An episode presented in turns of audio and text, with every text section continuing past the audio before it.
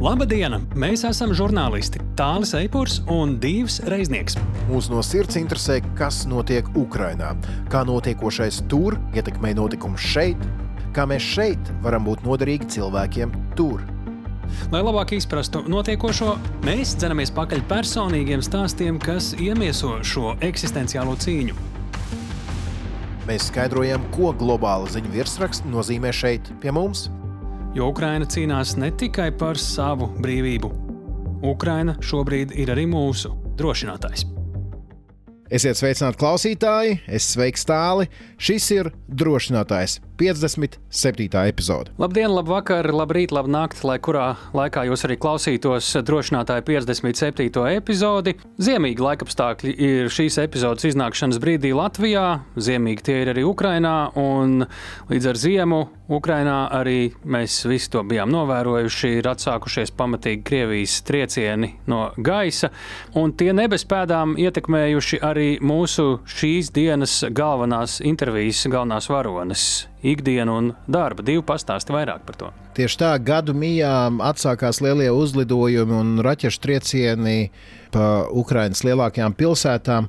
Viens no uzbrukumiem 2. janvārī arī piesaistīja uzmanību ar to, ka kāda raķeita bija ietriekta, teiktu, vienā dzīvojamajā mājā Kīivas um, guļama rajonā. Un tad nu, tā sanāca, ka uzgājām kādu uzņēmīgu kundzi, uzņēmēju, kurai pieder skaistuma kopšanas salons turpat blakus kas šī trieciena izraisīta um, viļņa rezultātā palika bez uh, savas skaistās ārā vitrīnas un tā teikt logiem. Izrādās viņa atvēra skaistuma salonu pirms gada, tas nozīmē jau karš bija noritējis gan arī gadu. Nu, man katrā ziņā radās interese. Karš un skaistumkopšana, kā tas eh, roku rokā. Pats interesantākais, ka šī kundze jau nākamajā dienā spēja atkal atvērt salonu durvis. Skaisto lielo logu vietā bija finieris. Bet darbs turpinājās, un tad nu, mums saruna ne tikai par uzņēmējdarbību kara laikā, ne tikai par skaistumu kopšanu kara laikā, bet arī principā par to, ko šāds salons piedāvā. Proti, kaut uz mirkli aizmirsties no tā, kas notiek valstī, aizmirsties no kara, nu, sajusties uz brīdi normāli. Nu jā, tu sacīji, ka pats svarīgākais, ka viņa jau pēc šī raķetes trieciena nākamajā dienā atsāka darbu. Es teiktu, ka šajā sarunā ir ļoti daudz tādu pats svarīgākais epizožu, un eh, tāda kā fotografija šim brīdim cilvēku dzīvēi prātam, noskaņojumam, apņēmībai Kijavā un Ukrainā. Tā kā šī saruna jau pēc brītiņa, un šī brītiņa laikā tas mums būs kopā ļoti svarīgs, jo mēs atkal sazināsimies ar Kristīnu Bērziņu Vašingtonā.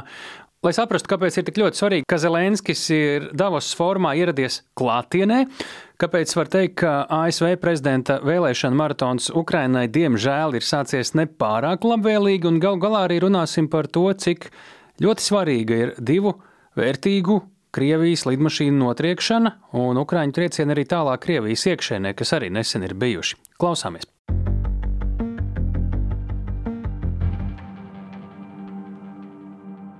Sveiki, Kristīne! Sveiki, sveiki!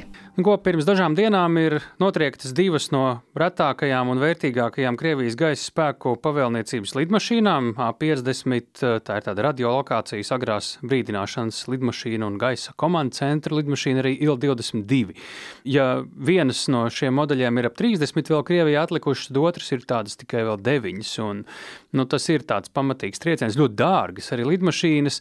Nu, mēs, es atceros, gadu mīs sarunā pieminējām, no uz ko tad Ukrainai būtu šajā gadā jākoncentrējas militāri, tad uh, tu sacīji uz tādiem simboliskiem, skaļiem mērķiem. Tas varētu būt viens no uzdevumiem.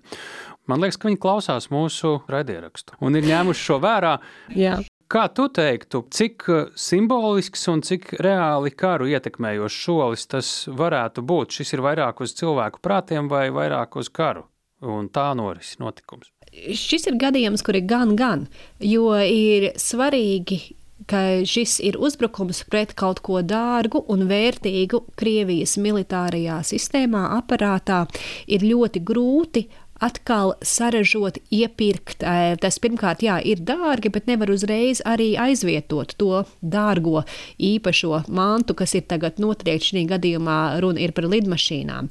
Un tāpēc, ka ir notriekts kaut kas ļoti vērtīgs, tas ir gan īpaši sāpīgi Krievijai, gan arī simboliski, tāpēc, ka tas parāda to, ka Ukraina ir spējīga arī uzbrukt tādām ļoti īpašām lietām. Ja mēs skatāmies kara gaitā, ir ļoti pasargātas tās vērtīgākās mantas, lidmašīnas īpaši. Lidmašīnas pārāk nelido Ukrainā, vairāk sūta raķetes, lidmašīnas tiek pasargātas un glabātas. Tas no NATO viedokļa, protams, nozīmē, ka tādas bi augstas bīstamības lietas, kā lidmašīnas paliek neskartas Ukrainas karā, un par tām ir jāuztraucās vēl Latvijā, un, un Berlīnē, un Londonā un Vašingtonā. Bet, ja Ukraina var notriekt lidmašīnas, tas arī parāda to, ka Ukraina var arī gādāt par tālāko mūsu visu pārējo drošību. Ja? Tas attiecās tiešām arī uz Krievijas nākotnes karaspējām. Tāpēc tas ir simboliski, bet arī tas ir ļoti faktiski, praktiski kaut kas svarīgs. Un, ja skatās, protams, tā nav vienīgā lieta, kas pēdējā nedēļā ir notikusi, kas liecina par to, ka Ukraina saprot simbolisko uzbrukumu vērtību, tāpēc, ka Voroņežā Arī tagad pavisam nesen ir iestājies ārkārtas stāvoklis dēļ Ukrainas drona uzbrukumiem Voroņežā. Voroņežā ir arī gaisa bāzes, kuras ir e, svarīgas e, Krievijai, lai varētu turpināt karu Ukrainā. Un ja Ukraina ir spējīga veikt drona uzbrukumus Voroņežā, tā nav pierobeža. Ir jāsaprot to, ka šobrīd Krievijā vēl arvien vairāk saspringst. Protams, tas nav lielākajos virsrakstos, un Maskavā varbūt par to nesaspringst tik ļoti, bet ir svarīgi tas, ka tālāk pat nekā pierobežā, karš arī var ikdienā ierasties. Tad tie ir tie simboliskie, bet arī vērtīgie jaunumi, kas ir eh, vērā ņemami un arī iespējami, acīm redzot, pat šogad, kad visu laiku runa ir par to, vai Ukrainai pietiks viss nepieciešamais, lai turpinātu karot. Voroņģis paskatījos, nu ir vismaz 300 km no Ukrainas robežas. Tas ir tas attālums, ko tu pieminēji, bet notiek kādas ļoti svarīgas daudzas tikšanās. Tieši šīs epizodes iznākšanas dienā Šveicē Davosā tur notiek lielais ikgadējais fórums, un šoreiz klātienē tur piedalās gan Zelenskis, gan Ķīnas premjeras, gan Blinkens no Amerikas un vēl ļoti daudzi citi ietekmīgi cilvēki. Kas ir tas, ko šobrīd mūsu sarunas ierakstīšanas brīdī tu jau esi tur pamanījusi, kā ievērības cienīgu, kas varbūt vēl rezonēs kādu laiku no tā, kas tur ir pateikts? Pirmā vērtīgākā lieta ir tā, ka Zelenskis pats ir ieradies. Pirms gada viņš piedalījās tikai ar video konferenci, bet šogad viņš ir pavisam normāls prezidents no sakarīgas valsts, kurš var ierasties Davosā un uzrunāt lielos biznesa galvas. Protams, jo svarīgi Davosā ir ne tikai tas, ka tur ir valsts vīri, bet ka tur ir lielie biznesa pārstāvi, ka tur ir banka bankas un uzņēmumi, kuri visi savā starpā sarunājās. Un Davosas vērtība ir tā, ka aizkulisēs var ātri sarunāties un virzīt lielos jautājumus, piemēram, ieguldījumus Ukrainā Ukrainas tālāko ekonomisko izaugsmi uz priekšu. Jo Ukrainai, protams, ir nepieciešams arī militārais atbalsts, par kuru mēs jau katru nedēļu runājam, bet tikpat nepieciešams Ukrainai arī ir ekonomiskais atbalsts. Un eh, Zelenskis tā arī ir stāstījis Davosā ir aicinājis klātesošos atbalstīt Ukrainas ekonomiku, lai Ukraina var atbalstīt visu pārējo drošību un aizsardzību. Redzi, tas parāda to otru pusi, un viena lieta ir tādu aicinājumu veikt eh, video zvanā no Kijavas, bet tas jau liecinātu drīzāk par to, ka, nu, redzi, kā Ukrainā varbūt nav tik droši, prezidents pat īpaši nevar izbraukt no valsts, bet tas, ka viņš ir ieradies Davosā un viņš aicina un runājās un aizklāsies ar visur piedalīties tāpat kā jebkurš cits, tas liecina par to, ka lieliem uzņēmumiem būs arvien reālāks tas jautājums, kā ieguldīt Ukrajinā un kā tur atjaunot arī ražošanu visu. Tas, man liekas, ir ļoti svarīgi. Protams, arī ir ļoti optimistiskas sarunas, kuras notiek arī par militāro atbalstu. Tur ir senatori no ASV, kuri optimistiski uztver iespēju atkal atjaunot tagad un papildināt militāro atbalstu Ukrainai. Tur ir sarunas arī ar NATO ģenerālsekretāru Stoltenbergu. Tas viss notiek, un cik saprotu, ļoti pozitīvi Zelenski tur pieņem, uztver, un viņš arī ļoti iedrošina klātesošos par iespēju atjaunot Ukrainu un atgriezt Eiropu normālākās sliedēs. Skatīsimies uz citiem paziņojumiem, kur izskanēs Davosas laikā un pēc tam, bet ir lieta, kas jau ir notikusi. Ir sākusies ASV republikāņu prezidenta vēlēšanu izvirzīšanas eh, balsošana, un Ajovā jau ir notikusi šī pirmā balsošana, un tur pārliecinoši priekšā Trumps ar 51%, un tad ar 20% plus eh, ir Desantis, eh, kas ir otrs republikānis, un trešā republikāna ir Nikija Heilija, viņai nedaudz mazāk kā Desantisam, un viņa ir tā, kura līdz šim ir izteikusies vispro-ukrainiskāk, uz ko varbūt mūsu cerības varētu likties, ka viņi varētu izvirzīties cīņā ar Trumpu. Ko tu redzi? Ko šis nozīmē? Ko Amerikā no tā secina? Tas nav pārsteigums, ka Trumps uzvarēja Ajovā. Tas jau tika gaidīts. Bet uh, Nikijas Heilijas komandā noteikti ir vilšanās par to, ka viņa nevarēja apsteigt Floridas gubernatoru Desantisu.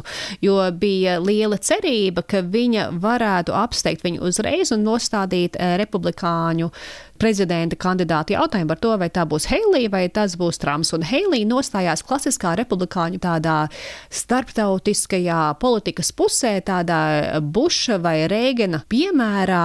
Un Nikija Heilija, kā arī bijusī Amerikas eh, ANO vēstniece, ir ļoti ļoti nopietni uztver to jautājumu par Amerikas atbildību plašākā pasaulē un ļoti atbalsta Ukrainu. Tas, ka viņa nevarēja apsteigt Santis Ajovā, liecina par to, ka republikāņu vidū varbūt šī tradicionālā politika, starptautiskā politika nav īpaši populāra.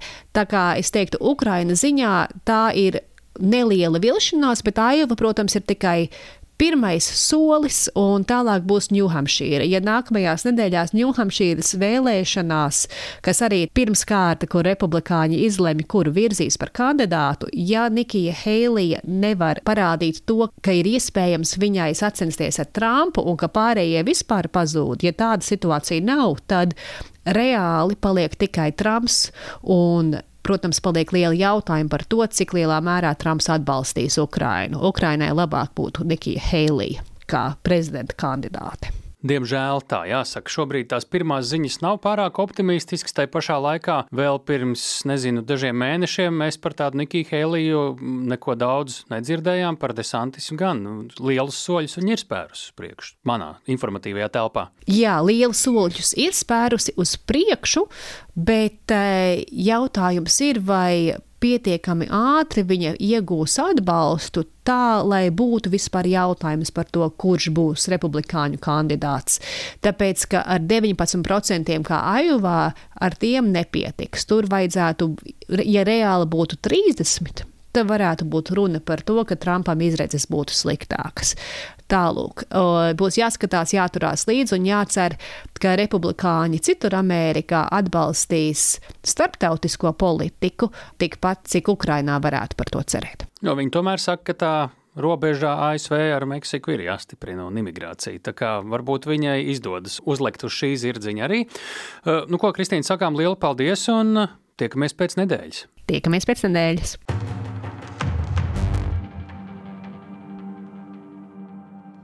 Paldies! Tā bija Kristīna Bērziņa Vašingtonā, kā parasti, un tāls eipurs tepat Rīgā. Nu jā, man vēl ir eh, šis tas, ko piebilst pie eh, dzirdētās sarunas ar Kristīnu. Nu jau runājam par tām lidmašīnām, kas ir notriektas. Nu, protams, ka šīs ir jāsaka, tā pavisam, pavisam svaigs stāsts, līdzīgi kā par kreiseri Moskvā, kļuvis par leģendāru Ukrainas armijas panākumu. Arī šis, es domāju, ir tuvu šim mērogam.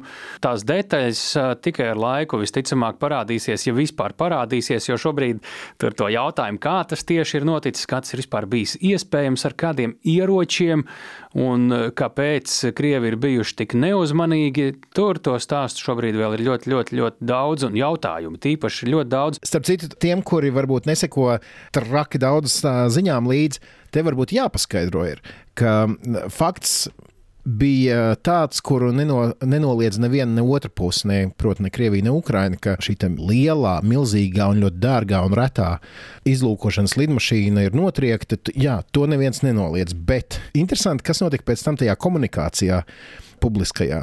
Proti, Krievija sākumā teica, ka jā, tur ir notikusi kļūda, mūsu pretgaisa aizsardzības sistēmas to ir notriekušas.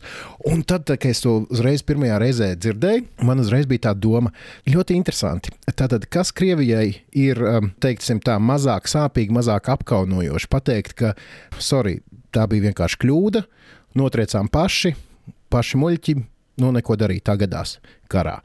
Vai arī pateikt, jā, Ukraiņas spēki ir spējuši notriekt šo mūsu tik reto, dārgo un īpašo lidaparātu. Nu, acīm redzot, izskatās, ka viņiem mazāk apkaunojoši ir publiski teikt, ka mēs esam to pašu izdarījuši. Kļūdas karā gadās. Tas bija tā interesanti. Jo pēc tam jau Zelūžņīs teica, jā, nu, ka tie bijām mēs. Protams, ka mēs šeit, Latvijā, sēžot, to tik ātri varbūt neuzzināsim. Bet nu, katrā ziņā ļoti interesanta komunikācija, kas pavadīja šo notikumu. Nu jā, un tas eh, vēl viens temats, ko mēs ar Kristīnu spriedām, bija par šīm ASV priekšvēlēšanām eh, un par Nikijas Heilijas cerībām nonākt izšķirošajās cīņās ar Trumpu viens pret vienu. Nu, šobrīd sākums nav izskatījies pārāk optimistisks eh, šādam virzienam, bet te jāatgādina, ka Nikija Heilijai viņai ir tāds tā kā zīmols, ka viņa nekad nav zaudējusi nevienās vēlēšanās. Man liekas, ka amerikāņiem tādi, nezinu, pelnrušķīti stāsti vai tādi filmu cienīgi stāsti un tādas uzplaukšanas un uzvaras uzvaras patīk, un es uh, lieku savu kārtu, ka viņai varētu klāties arī ar laiku mazliet labāk, un uh, varbūt to Desantis uh, savu tuvāko konkurentu, lai cīnītos ar Trumpu, viņai izdosies pievērt. Jo Trumps jau arī sākumā neviens neprognozēja, ka viņam varētu iet tā, kā viņam līdz šim ir gājis politiskajās cīņās. Nu, zini, kā tur ir vairāk aspektu. Savulaik, kad es strādāju Latvijas televīzijas ārzemju ziņu nodaļā, nācās sekot vairākām šīm ASV prezidenta vēlēšanām jau no paša sākuma, no priekšvēlēšana laika. Tur tie secinājumi ir vairāki. Trumpam palīdzēja šis zīgerista efekts. Ja atceramies, bija tāds politiķis no Vācijas, kurš savulaik tika iekšā daudziem par pārsteigumu saimā, un viņš bija slavens ar to, kā izdāļāja cilvēkiem banānus. Tā viņa politika bija tāda gana populistiska. Cilvēki vienkārši atteicās publiski teikt, ka jā, es balsošu par zīgeristu. Un tāpēc daudziem viņa panākums bija pārsteigums, jo nekur aptaujās tas neuzrādījās. Un par Trumpu arī viņš ir gana, gana liels populists, pretrunīga personība un tāda, kur vismaz sākotnēji, pirms viņš kļuva par prezidentu pirmo reizi, cilvēki negribēja publiski teikt, jā, es balsošu par Trumpu, jo, nu, ko tad par mani padomās. Tagad, protams, tas varbūt ir nedaudz citādāk. Otra lieta ir um, ļoti svarīga Amerikas vēlēšanās šis te atbalsta vilnis. Nu, tas arī, kā Kristīna teica, protams, ka šīs pirmās priekšvēlēšanas vēl nav nekāds rādītājs, bet ja tas turpināsies vēl arī otrajās, trešajās, ceturtajās priekšvēlēšanās, tad piektajās, sestajās jau cilvēki redzēs, ka nē, nav vērts balsot par tādu Heiliju, jo viņi nespēja apsteigt Trumpu nekur. Nu, tad priekš kam es izmetīšu savu balsi. Tas ir tas, par ko ir jāuztraucās Heilijai. Tāpat laikā jāatceras, labi, varbūt tas neatiecas uz Trumpu, varbūt uz Desantis tas varētu nostrādāt. Tās apdraud arī pašu Heiliju, bet um, vienā no šīm priekšvēlēšanām bija viens uh, republikāņu partijas rindās tieši politiķis, kurš ļoti dīvaini vienā no priekšvēlēšana debatēm iekļiedzās, hei, vai tur nu, bija kaut kā ļoti dīvaini tas viss izklausījās. Un it kā tāds nieks, bet tam tika pievērsta tik liela uzmanība, ka viņš tajā pat reizē arī zaudēja savas favorīta tiesības, teiksim tā, ja?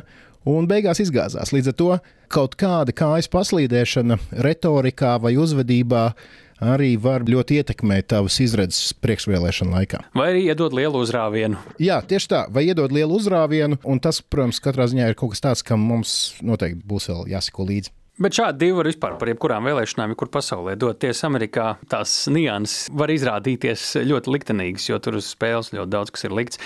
Nu, ko, tik daudz par Kristīnas sacīto, bet eh, nu, gan mēs esam klāt lielās intervijas pieteikumam, un, manuprāt, šī ir tāda ļoti godīga, praktiska, cilvēcīga, realistiska un tajā pašā laikā no šī visa kopā saliekas arī ļoti emocionāla intervija, kas man, mums nebija kādu laiku tāda bijusi, ļauj saprast eh, to, kur tad šobrīd atrodas Ukraiņas sabiedrība, jo man iekšā Nu, protams, un daudziem no mums ir klusām tādas bāžas, ka vai tikai viņi nesāk nogurt, bet nu, tā tiešām pa īstam nogurt. Ir ļoti svarīgi šādas liecības dzirdēt no Ukrainas, jo, ja viņiem ir vajadzīgs mūsu atbalsts, tad mums savukārt, es domāju, ir svarīgi dzirdēt to, ka viņiem arī šis spars netrūkst un viņus ir joprojām jāturpina atbalstīt. Un šī saruna, kas it kā ir no tādas dziļas ikdienas Ukrajinā. Man šo pārliecību atkal nostiprina divi izstāsti par savu sarunu svaroni un intervējumu. Nu, te jāsaka, laikam tā.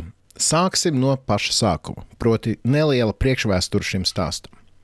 Gadu mijā Krievija atkal atsāka masīvus raķešu uzbrukumus Kīvai un citām lielajām Ukraiņas pilsētām.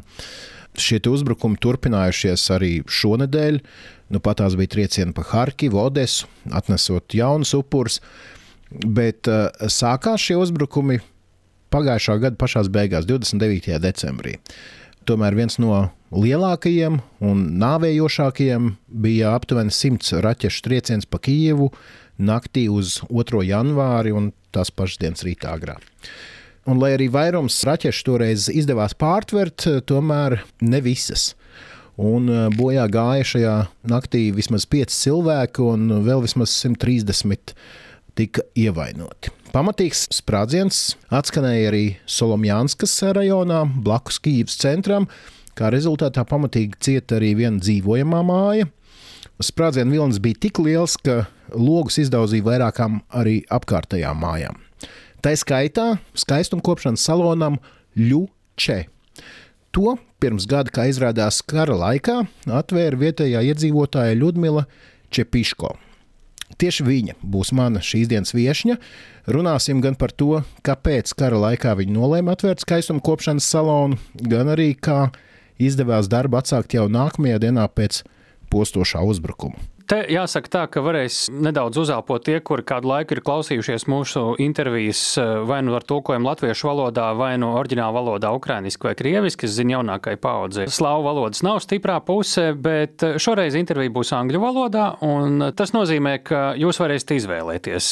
Tepat blakus ir epizode, kur varat eh, šo interviju noklausīties oriģinālu valodā, vai arī palikt tepat un klausīties ar tulkojumu latviešu valodā. Tā ir jūsu izvēle. Nu, ko, laikam ir pienācis laiks arī klausīties eh, divs reiznieks un Ļudmila Čepīško, skaistumkopšanas salona Ļučē Kijavā īpašniece. Hello, Ludmila! Labdien, Ludmila!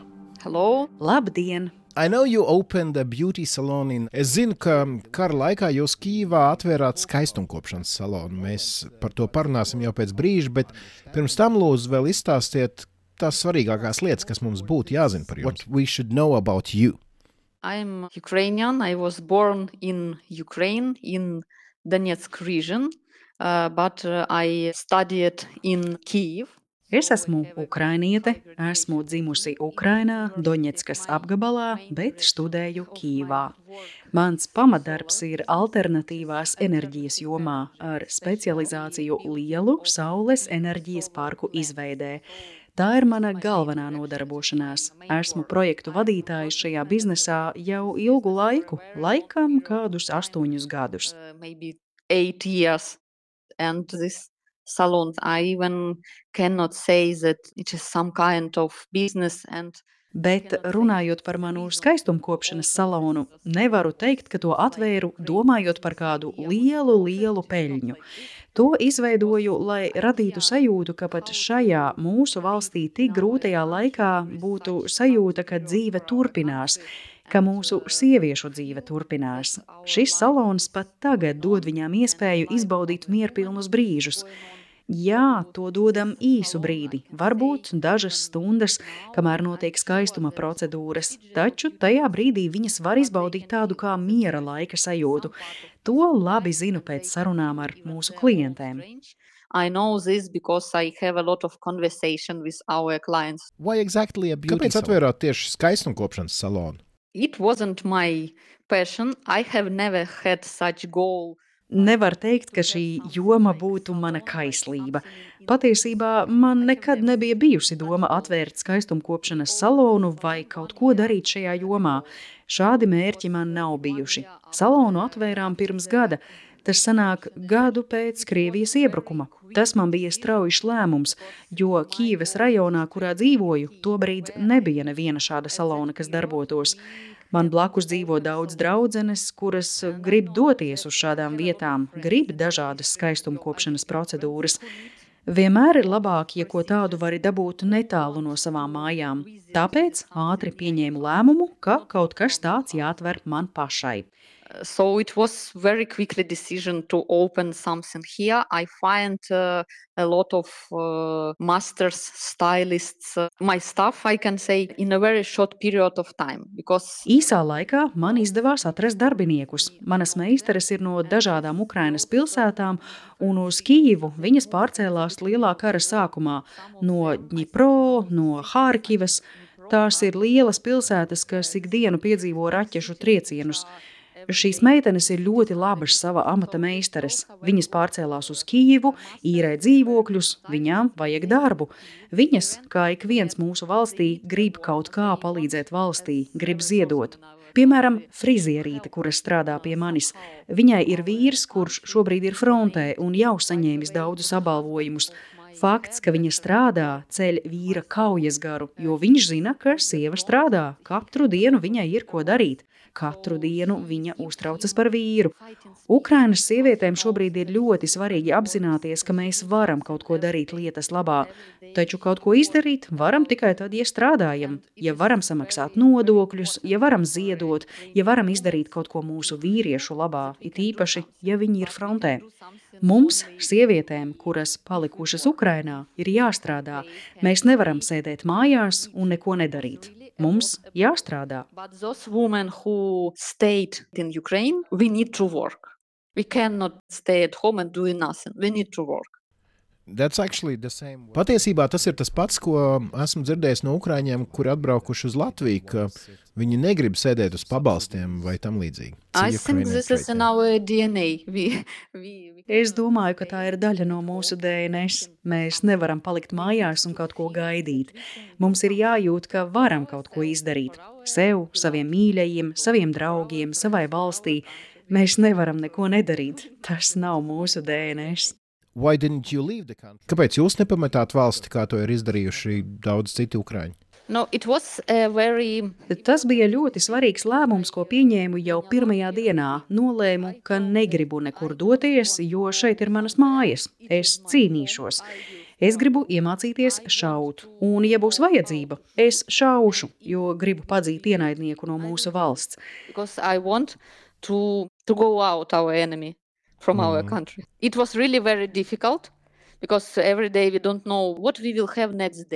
Tas tiešām bija ļoti grūti, jo mēs nekad nezinām, kas mūs sagaida nākamajā dienā, kāds būs mūsu rīts, kāds būs mūsu vakars. Tas bija ļoti nervozi. Tomēr nolēmu palikt, palikt šeit, palikt mājās. Es negribēju braukt prom. Visi mani radinieki teica, brauc kaut kur prom, brauc prom, bet es tā negribēju. My, all my relatives say me go, go, go somewhere, but I don't want. Okay, let's talk about your salon. Before... Labi, parunāsim par uh, jūsu salonu. Vispirms izstāstiet, kāds ir rajons, kurā tas atrodas. It is near center Tas atrodas netālu no centra, blakus ļoti labai transporta līnijai. Ar mašīnu līdz centram var aizbraukt kādās desmit minūtēs. So, sleeping, vai tas ir tāds kā guļamrajons? Jā, var teikt, ka guļamrajons netālu no Kijavas centrālās stacijas. Mums rajonā ir arī vairākas augstceltnes, nevar teikt debesskrāpji, jo tiem ir kādi 20 līdz 25 stāvi. Latvijas, nu, Latvijā tas jau ir debesskrāpis. Oh, okay, so ah, nu tad sauksim tos par debesskrāpjiem tā ka tas ir ļoti liels guļamrajons. Kā sauc to rajonu? Solomianski distrikt. And, uh, Your... Aprakstiet savu salonu, cik liels tas ir, kādus pakalpojumus piedāvājat, cik meistari jums ir. How many masters there? Tas nav liels. Kijavas mērogiem tas ir pat ļoti mazs salons.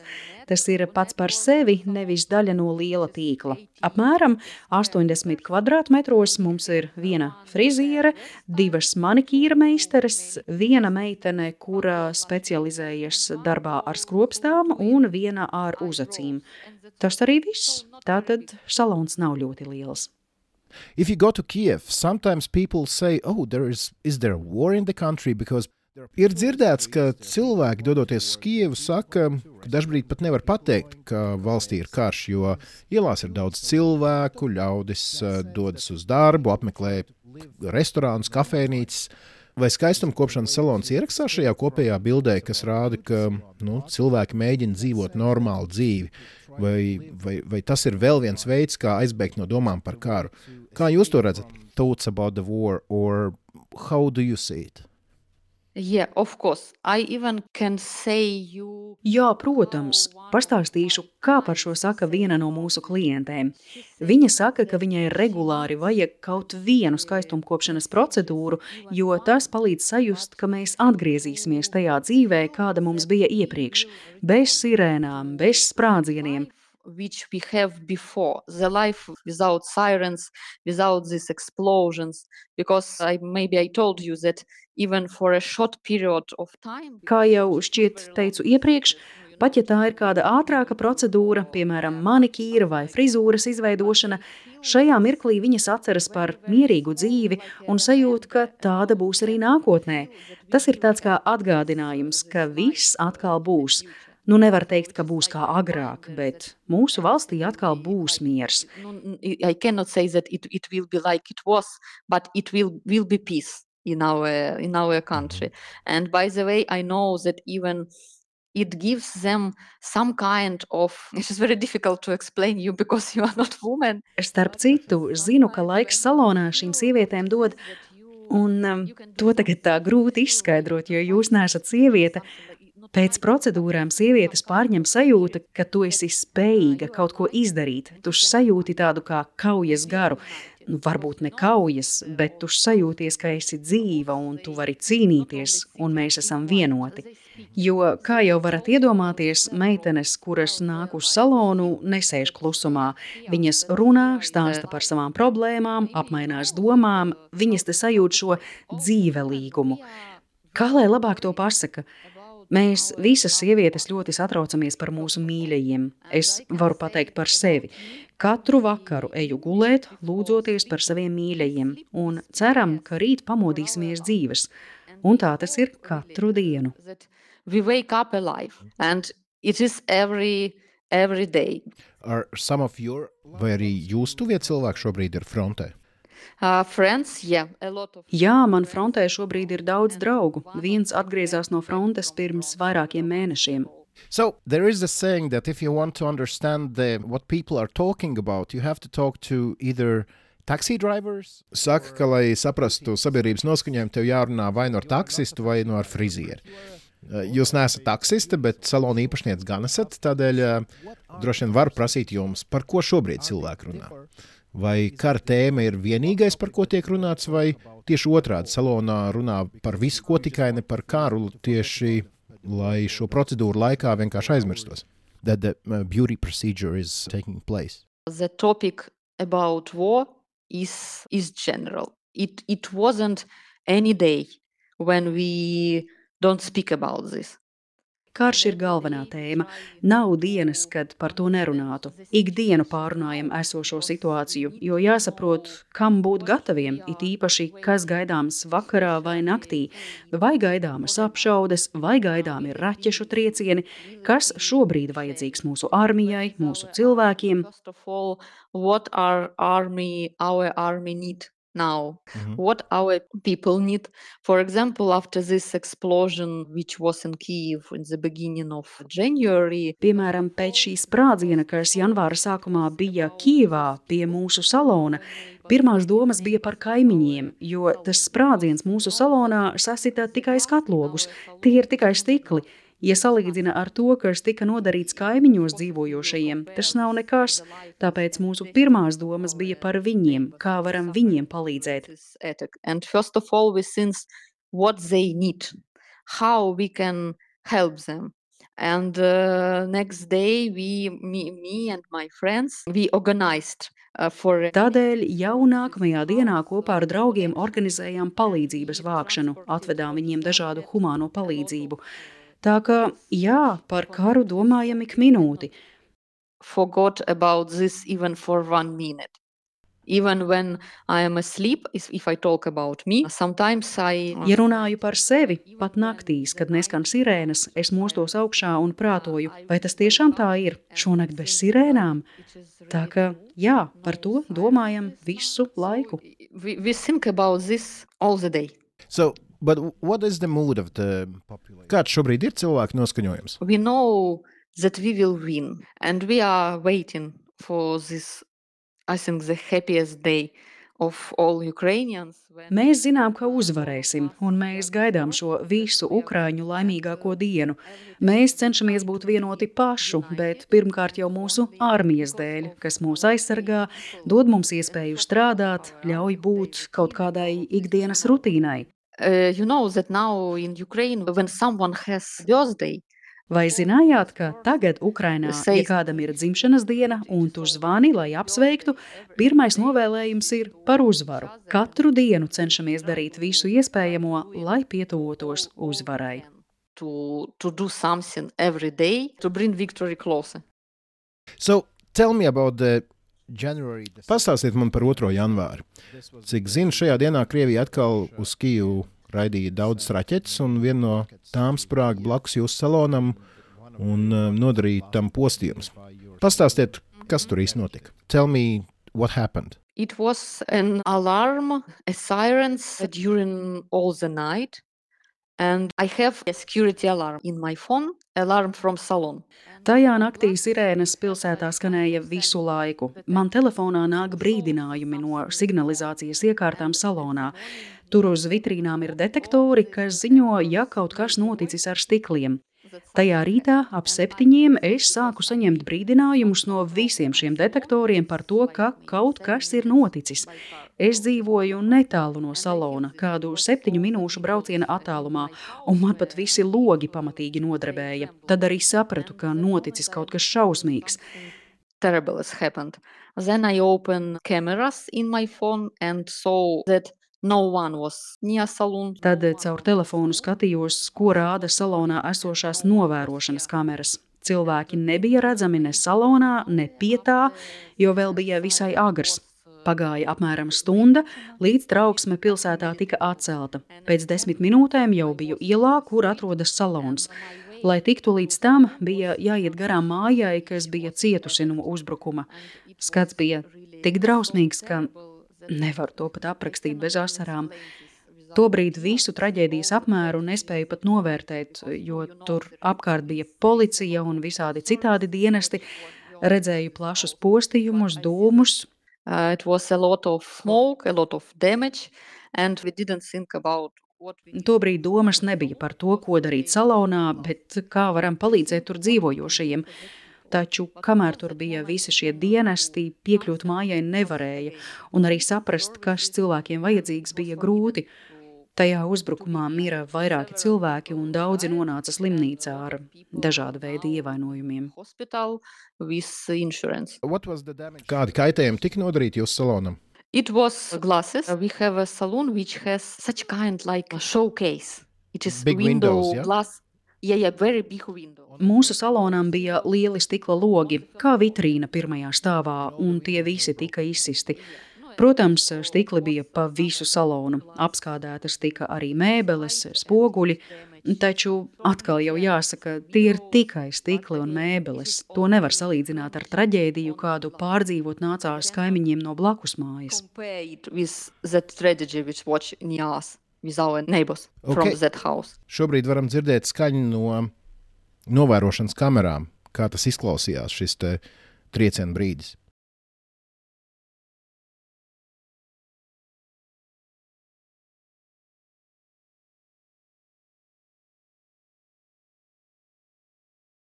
So, okay, you as a business owner, nu, lūk, un jūs kā uzņēmuma īpašnieks ieradāties salonā, ieraudzījāt postījumus. Kas tālāk? My friend gave me plywood and we, we stay plywoods Viens mans draugs iedeva saplāksni, ko ielikām izsisto logu vietā. Ķērāmies pie tīrīšanas, izmetām to, kas vairs nebija labojams, un nākamajā dienā salons jau strādāja. we worked. Already the next day. Jo nākamajā dienā? Yeah, Jā, Why? Kāpēc? because we haven't a time to sit at home and doing nothing. Jo mums nav laika sēdēt mājās un neko nedarīt. Mums ir jāstrādā, mums jājūt, ka esam dzīvi. Tāpēc man bija ļoti svarīgi atvērties pēc iespējas ātrāk, nevis kā uzņēmējai. Tas bija svarīgi mums visiem, mums kā ukraiņiem, jo mēs esam neticami un ar savu darbu mēs ceļam kaujas garu, vairojam savu apņēmību. Mums nav laika sēdēt, mums ir jāstrādā, mūsu valstī ir jāstrādā, un visiem mūsu cilvēkiem ir jābūt kaut kādai motivācijai dzīvot un zināt, ka reiz atkal būs mierīga dzīve bez visiem šiem sprādzieniem. All our people need to have some motivation to live and to know that we will return to peaceful life without all these uh, explosions.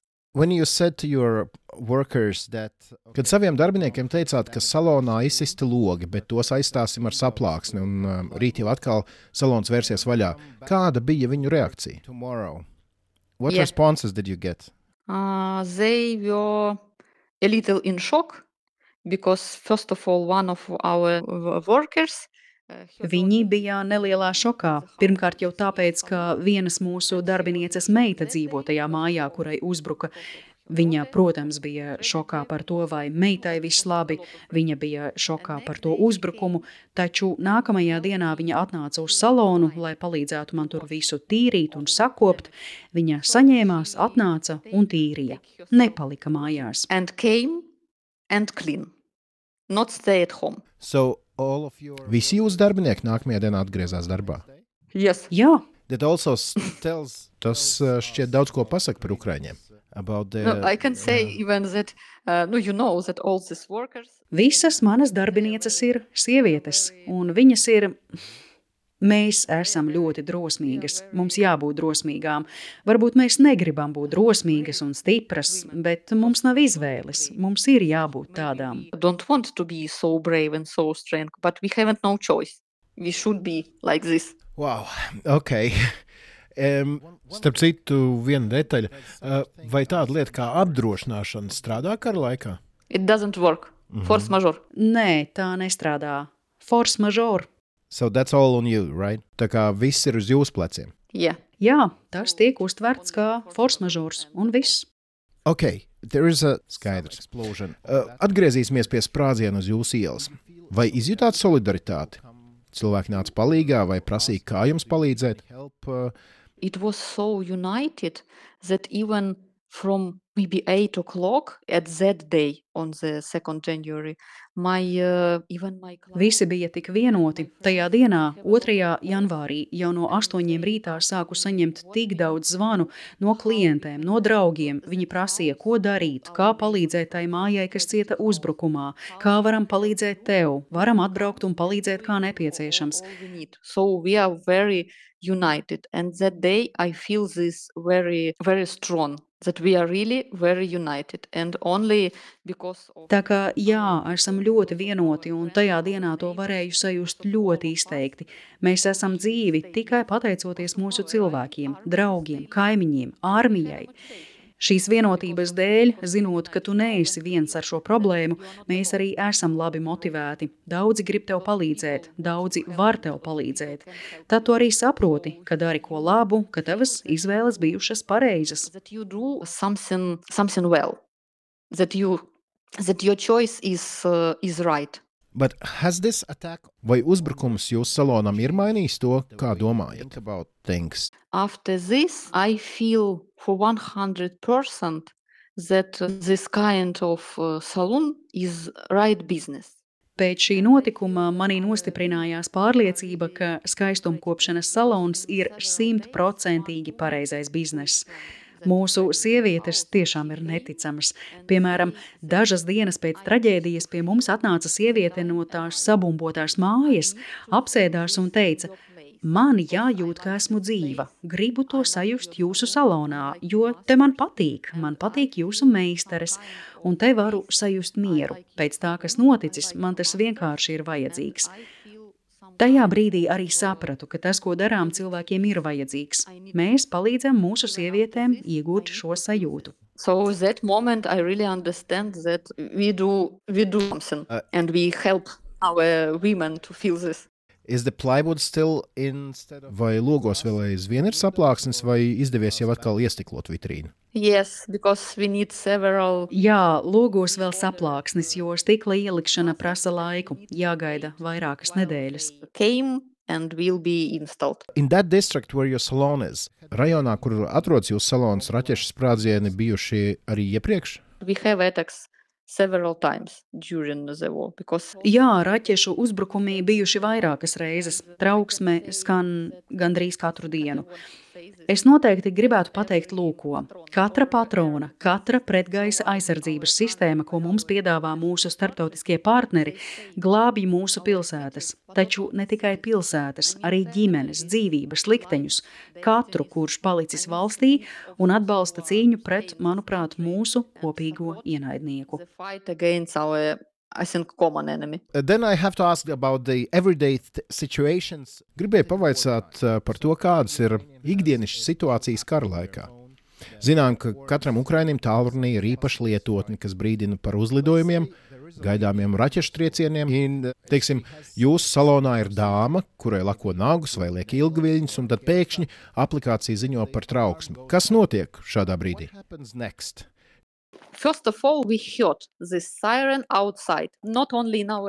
Vispirms jau sirēnas dzirdam ārpus loga, ne tikai aplikācijā. Skaļruņi mums ir visā pilsētā, un tā kā atrodamies netālu no centrālās stacijas, kur tie skaļruņi ir ļoti skaļi, tad to labi dzirdam arī salonā. Tad skatāmies telefonā un mēģinām saprast, kāda veida trauksme šī ir. Vai gaidāms šahedu uzlidojums vai brīdina par tuvojošos raķeti, tad parasti paziņojam klientiem, ka mums jāslēdz salons, bet nākamais lēmums jau ir viņu ziņā. Iet uz patvērtni vai mājām, tas jau ir klientes lēmums. Es par to nevaru uzņemties atbildību, taču mums salons jāvar ciet, ja pastāv reālas briesmas. Ja tiek brīdināts par raķešu uzbrukumu, tad tev ir tikai dažas minūtes vai pat sekundes, lai atrastu patvērtni. Es pat īsti nezinu, kas ir labāk - iet ārā, palikt iekšā vai doties uz patvērtni, jo, ja tās ir raķetes, tev nereti ir tikai sekundes. Even seconds to find a shelter. So I don't know even what what way is better to stay outside, to stay inside, or to go shelter. Because when it is rockets, it is really seconds. Ko jūs meistars parasti dara šādos brīžos? Usually we closed and go out. Parasti aizveram salonu un ejam ārā. Dažreiz dodamies uz patvērtni, kas ir netālu. Visbīstamāk ir palikt iekšā, pirmajā stāvā, jo, kā parādīja mūsu pēdējais gadījums, šādā situācijā stikli lido visur. Tas ir ļoti bīstami tieši sprādziena viļņa dēļ. All. But I've heard stories that uh, Ukrainians over the time. Esmu gan dzirdējis, ka laikam ejot, Ukrāņi jau pieraduši pie sirēnām un uz tām tā īsti vairs nereaģē. Sakot, nu, kā būs, tā būs. Do whatever they have done uh, during that time. Yes, I'm one of that person because you know that how to explain this. Jā, esmu viens no šādiem cilvēkiem. Kā lai to izskaidro, kad tās sirēnas dzirdi vairākas reizes dienā, tu jau pierodi. Jūs jau zināt, ka maijā mums te bija milzu uzbrukumi. Sirēnas skanēja katru nakti, katru nakti bija raķešu uzlidojumi, triecieni, un mēs bijām no tā jau tik noguruši, ka teicām, labi, es palikšu mājās, vienkārši atradīšu tur drošāko vietu.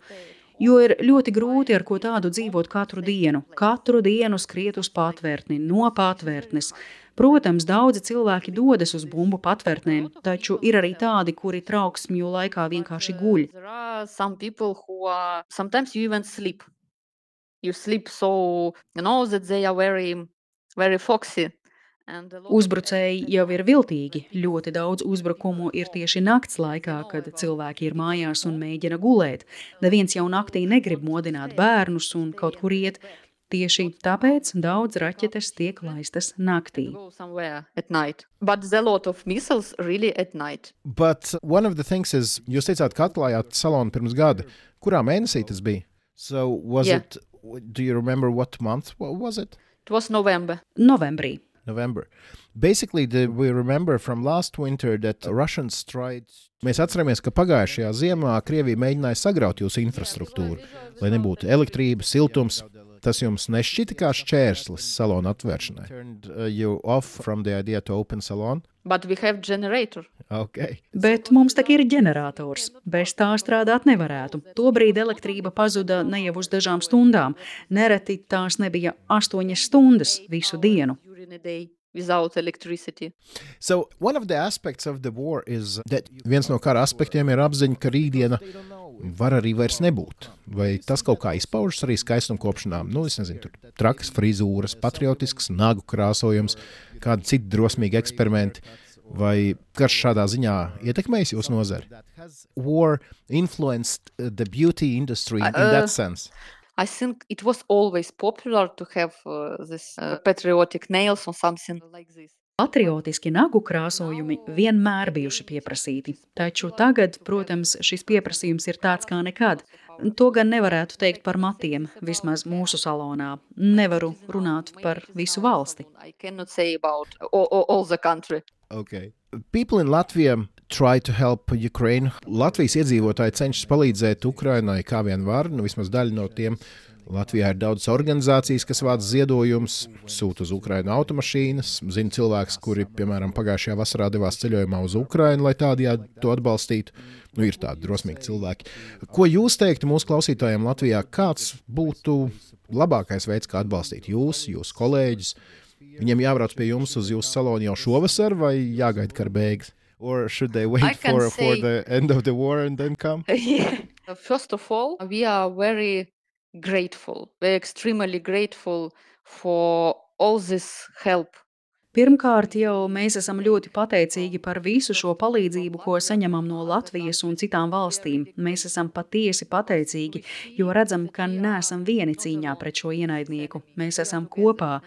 Kā jau teicu, mēs zinām, ka uzvarēsim, un šobrīd ļoti gaidām to brīdi. Es negribu kaut ko prasīt savai sfērai, šai skaistuma sfērai.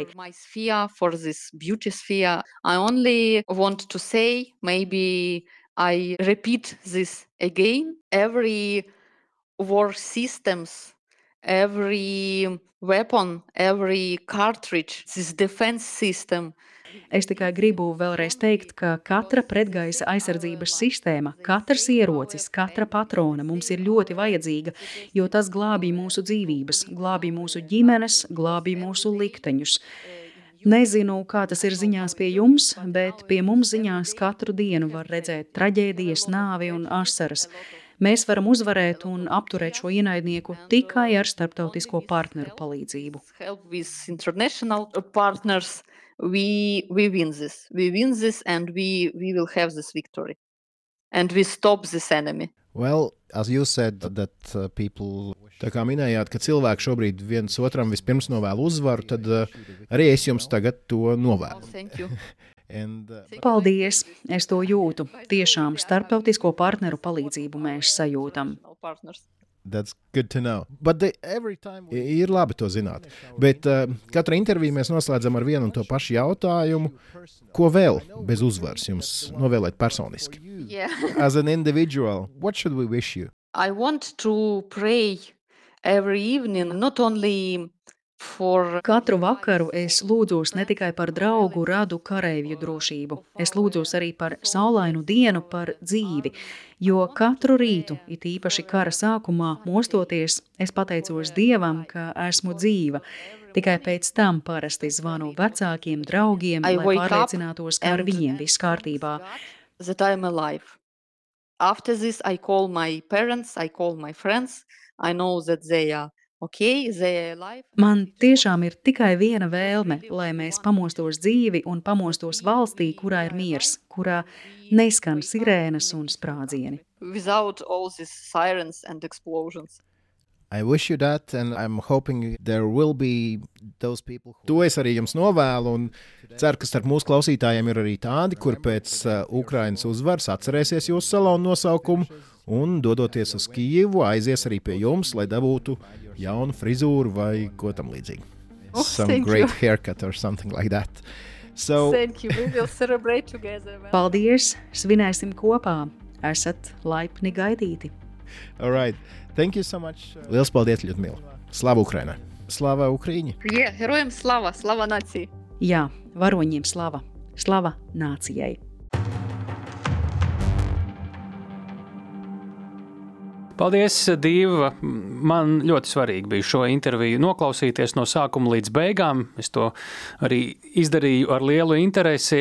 Atejot drusku no šīs stāsta, tas ir tā, kā es gribētu, lai podkāstos cilvēki intervē cilvēkus. Es visu sapratu, man bija tiešām svarīgi arī dzirdēt ļoti daudz šīs mazās atbildītas uz it kā maziem jautājumiem, piemēram, par apdrošināšanu, vai ne? Tas ir, liekas, it kā mazsvarīgi tāds detaļu jautājums, bet patiesībā tas vispār parāda to spēku, kas ir Ukraiņiem, jo viņiem ir jātiek katram no viņiem šādās nelaimes situācijās galā lielties pašiem. Un skaistumkopšanas salons vai uh, būciņu veikals, vai lai kas tas arī būtu par biznesiņu vai biznesu, uh, Viņiem jau neviens neziedo tā kā armijai lielākoties. Ziedo tiem, kuriem klājas it kā visgrūtāk, bet šie cilvēki ir tie, kuri uztur to Ukraiņas ekonomiku. Šie cilvēki ir tie, kuri pelna, maksā algas tiem, kuri ziedo Ukraiņas armijai. Tā kā nekādā veidā nevar par zemu novērtēt to, ko viņi dara ar savu drosmi, turklāt vēl pēc Krievijas lielā uzbrukuma, uzsākot kādu no savām uzņēmējdarbības formām. Tā kā visu cieņu Ļudmils priekšā un paldies Dievam arī, ka tu izgaismoji šos dažādos leņķīšus. Jā, tas patiesībā ir forši, ka tu izcēli šo aspektu par uh, palīdzību.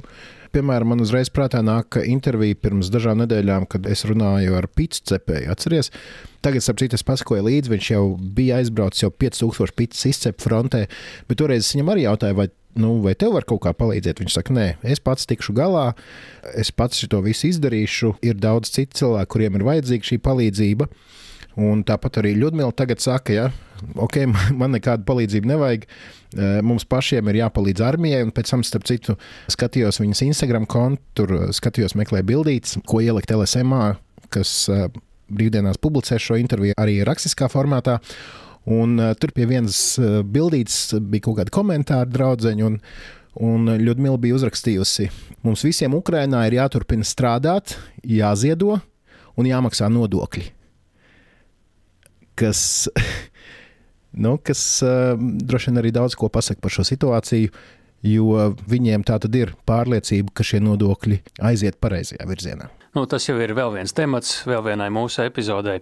Mēs priecājamies, ka esat čakli lasījuši LSM arī mūsu iepriekšējo interviju ar Valiko Koropkādzi, kam ir kāds drona piloti. Pietiekami ilgi un pietiekami populāri šī saruna bija arī ar Ļudmilu Meklējiet jau drīz pēc šīs epizodes iznākšanas sarunu LSMLV. Parasti tas ir brīvdienās, jo tad eh, citi raksti nenomāc eh, drošinātāju intervijas. Bet nākamajā epizodē, kur iespējams jūs, ja šo klausāties pēc nezinu, dažiem mēnešiem, eh, tur atkal saruna ar Mariupolis aizstāvja sievu, turklāt tāda Mariupols aizstāvja, kurš joprojām nav atrasts. Cindrs Prance mums no Kijivas šādu interviju ir sagādājusi, un līdz ar to arī eh, gaidām arī šo sarunu. Tā būs atkal pavisam citāda, bet, protams, kā vienmēr, raidierakstā drošinātājs saistīta ar karu Ukrainā. Ja jums eh, šis saturs, ko mēs jums piedāvājam, šķiet interesants, nu padalieties ar saviem draugiem, radiem paziņām, atrakstiet mums kādu ziņu vai no sociālos tīklos, eh, meklējot mūs ar tāli, vai arī uz drošinātāju e-pastu, drošinātājs Latvijas Radio LV. Mēs lasām jūsu ziņas.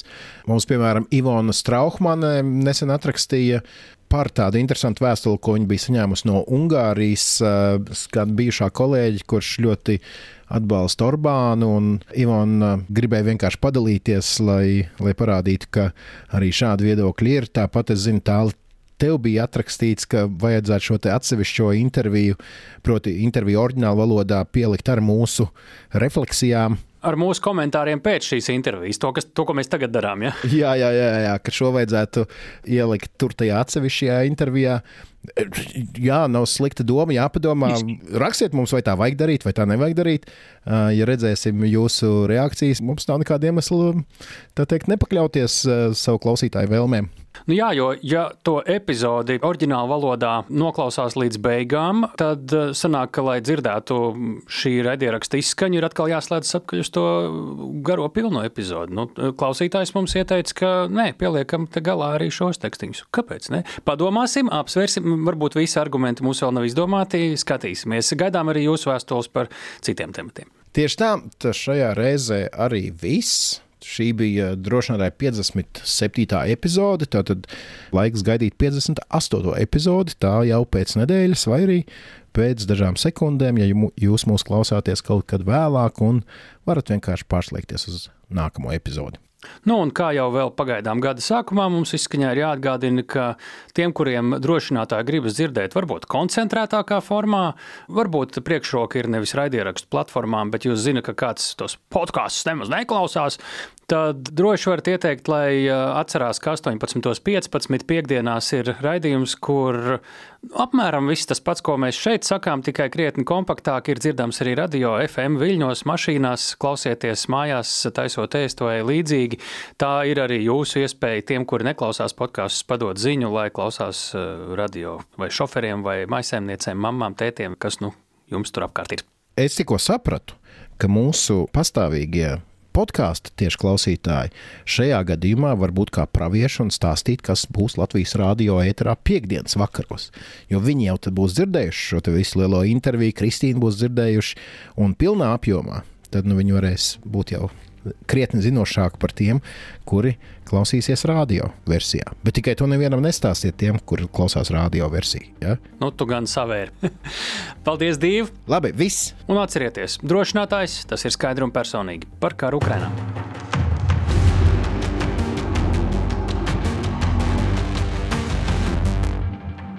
Raidieraksts drošinātājs.